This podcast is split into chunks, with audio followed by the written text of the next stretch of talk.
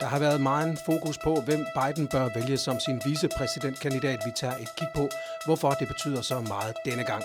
Og så har Trump givet endnu et interview med masser af dynamit, der har fået kampagne, kampagnemedarbejdere til at klappe i hænderne, men det er næppe hans egne.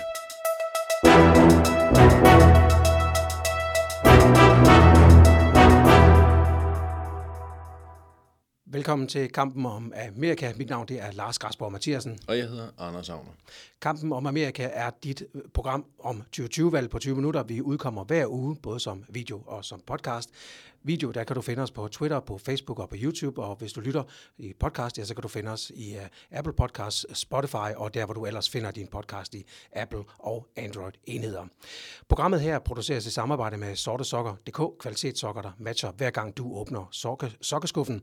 Gå ind på øh, sortesokker.dk-kongressen og brug rabat, rabatkoden kongressen, så får du 20% rabat på dit næste køb.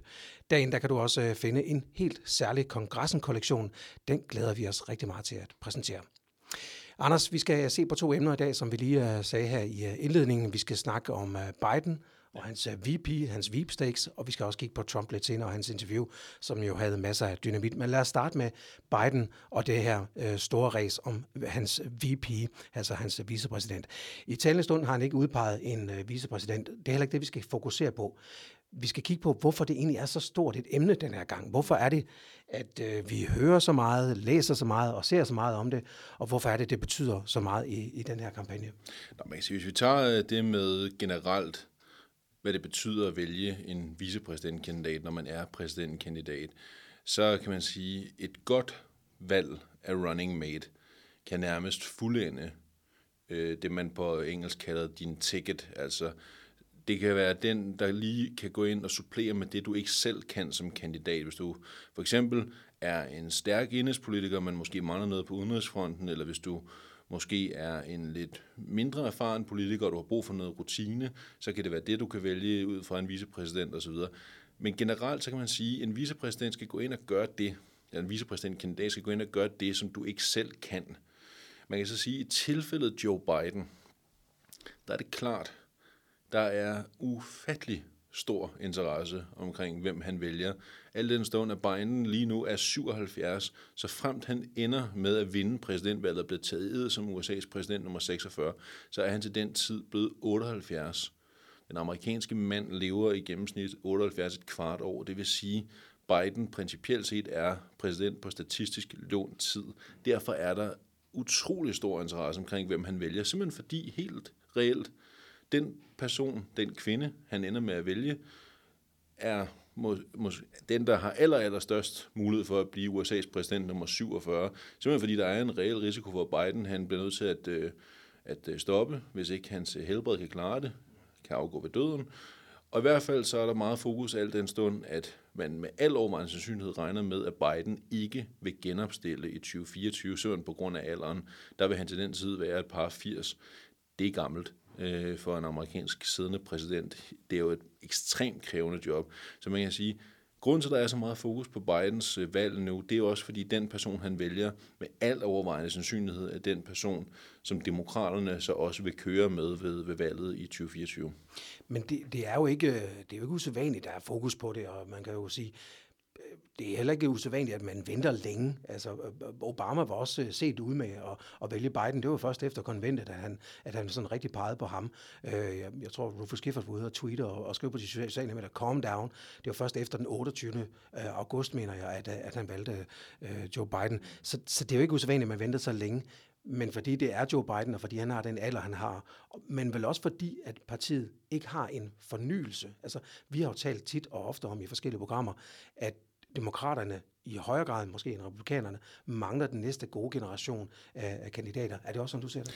Ja, man kan sige, der hvor Joe Bidens udfordring har været omkring den udnævnelse af vicepræsidentkandidat, som er på trapperne, det er, at det hele i virkeligheden er blevet forskubbet i forhold til, hvordan man normalt kører en sådan proces, fordi oftest så vil det være sådan, som man afslutter primærræset øh, lige inden sommerferien, så ved man ikke engang for alle, hvem er det partiet kører med, og så begynder man ellers derfra for alvor at pumpe op til, at man skal komme med offentliggørelsen af, hvem der skal være kandidatens vicepræsidentkandidat.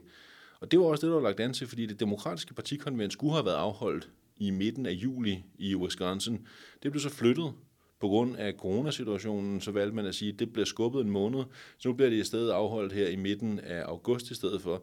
Det betød, at man træskede direkte ind i juli måned, uden den store politiske nyhed, uden at have konventet at se frem til, men hvor alle jo var begyndt at sige, når man ifølge den normale trappetrins fremgangsmåde omkring, hvem man vælger, jamen så er det det, vi skal snakke om nu. Så derfor har hele juli måned, og nu så også begyndelsen af august, handlet om, hvem vælger Biden.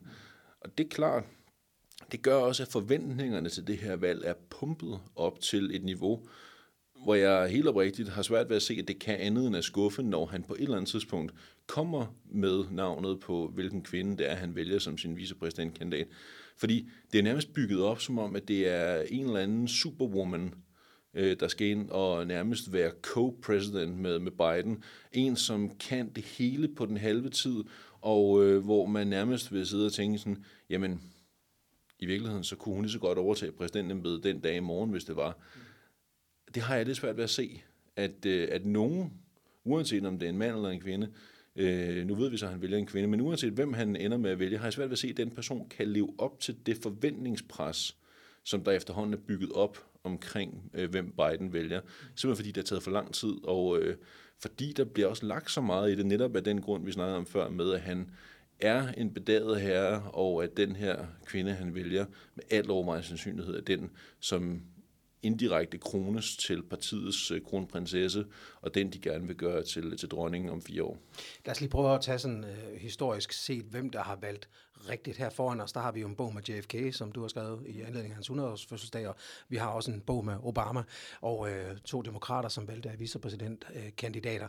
Øh, hvis vi lige skal prøve at tage to gode eksempler og to dårlige eksempler på kandidater, der er valgt af forskellige omstændigheder, hvorfor det er dårligt, og forskellige omstændigheder, hvorfor det er godt. Men prøv lige at tage sådan et par eksempler på, hvordan man gør. Nå, man kan sige, hvis du tager øh, eksemplet John F. Kennedy, altså det er faktisk et meget interessant eksempel, øh, udover at jeg jo altid gerne taler om Kennedy, hvis jeg får chancen, men det er interessant, fordi det er faktisk det sidste valg, hvor vi kan bevise, at en vicepræsidentkandidat faktisk leverede sin hjemstat. Det var det, Lyndon Johnson gjorde i sin tid, da han, øh, han kom fra Texas, og da Kennedy kunne se, at han havde brug for Texas, han havde også brug for Johnson af andre grunde, men han havde brug for at vinde Texas, hvis han overhovedet skulle gøre sig nogen forhåbninger om at blive amerikansk præsident. Det kunne Johnson levere, og det gjorde han. Man kan så sige, i tilfældet øh, LBJ og JFK-konstruktionen, altså de brød sig ikke specielt meget om hinanden, øh, for at sige det mildt. Øh, men Kennedy vurderede, at det var smartere for Johnson ombord, for så kunne han styre ham, øh, end øh, at skulle bokse med ham som øh, flertalsleder i senatet. Og så snart han så havde hjulpet med at øh, vinde Texas, jamen, så blev han så i øvrigt gemt væk og sendt ud til statsbegravelser og ellers rendt rundt og surmulet. Øh, de kaldte ham for den surmulende hund internt i Kennedy-administrationen. Men det var faktisk et eksempel på en vicepræsident, som fik en central rolle i forhold til udfaldet af præsidentvalget.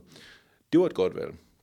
Så kan man sige, nu nævnte du Obama og tilfældet Joe Biden. Obama dengang var jo en meget ung og uerfaren politiker. Han havde kun siddet et par år i senatet og blev kritiseret for, at han ikke havde så meget erfaring, især ved angik øh, udenrigs- og sikkerhedspolitik. Der kunne han så se Joe Biden. Det var et smart valg, fordi Biden havde allerede været senator i flere årtier, og han havde øh, arbejdet meget fokuseret sig omkring udenrigspolitik osv. Og det gav både noget rutine, og det gav samtidig også en eller anden form for rygdækning, hvad angik den flanke, hvor han kunne se, at han selv var svag, nemlig på udenrigs- og sikkerhedspolitikken. Det var et ganske smart valg også. Så kan man så sige, skal vi så se på det, hvor det gik dårligt? Altså, i virkeligheden er der kun grund til at tage fat i et eksempel, men det er så til gengæld også så graverende, så det næsten øh, er, jeg kan mærke, at min tær begynder at krumme, bare at skulle snakke om det. Fordi i 2008-valgkampen, lige så udmærket et valg det var, at Obama foretog med Joe Biden, lige så fuldstændig vanvittig en beslutning traf John McCain, den republikanske kandidat, da han valgte Sarah Palin, guvernøren fra Alaska. Øhm, jeg vil sige, John McCain har jo også sidenhen i diverse sammenhæng mere end antydet, at det var nok en fejl. Øh, vil sige, nogle af hans centrale kampagnefolk, blandt andet Steve Smith, har i hvert fald været ude sidenhen og sige, at det var simpelthen det var et regulært selvmål. Fordi man kunne se, at man havde brug for at gøre et eller andet radikalt. Altså, for ellers så var man helt sikker på, at man ville tabe til Obama, så noget måtte gøres, og så tænkte man, okay, vi tager en chance, vi prøver at sætte et wildcard ind, og så kan det være, at det går godt, og det kan være, at det går dårligt. Og det gik så nogenlunde så elendigt, som det kunne. Altså, hun øh, altså, tabte småkærne fuldstændig flere gange undervejs, både i tv-interviews, og til sidst kunne han nærmest ikke styre hende. Hun holdt jo nærmest kun én god tale, og det var på konventet. Og ja, derefter... og siden da gik det jo nærmest øh, fuldstændig ned ad bakke. Ja. Og det betød også, at alt det, som John McCain stod for, som kandidat og som politiker og så videre, ordentlighed, seriøsitet, erfaring, alle de her ting, jeg siger, det blev nærmest øh, suspenderet i det øjeblik, han valgte Palin, fordi hun var alt det modsatte.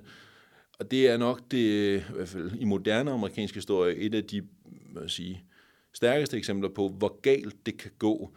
Også fordi McCain, apropos, nu snakker vi om det med Bidens alder, McCain var altså også på det her tidspunkt en mand godt op i årene. Han var nogen 70 på det her tidspunkt. Det vil sige, hele den der snak om one heartbeat away from the presidency, altså det fik i hvert fald rigtig mange til at kigge ekstra på Sarah Palin og tænkte, et hjerteslag til en mand i starten af 70'erne, og så er hun præsident. Ellers tak.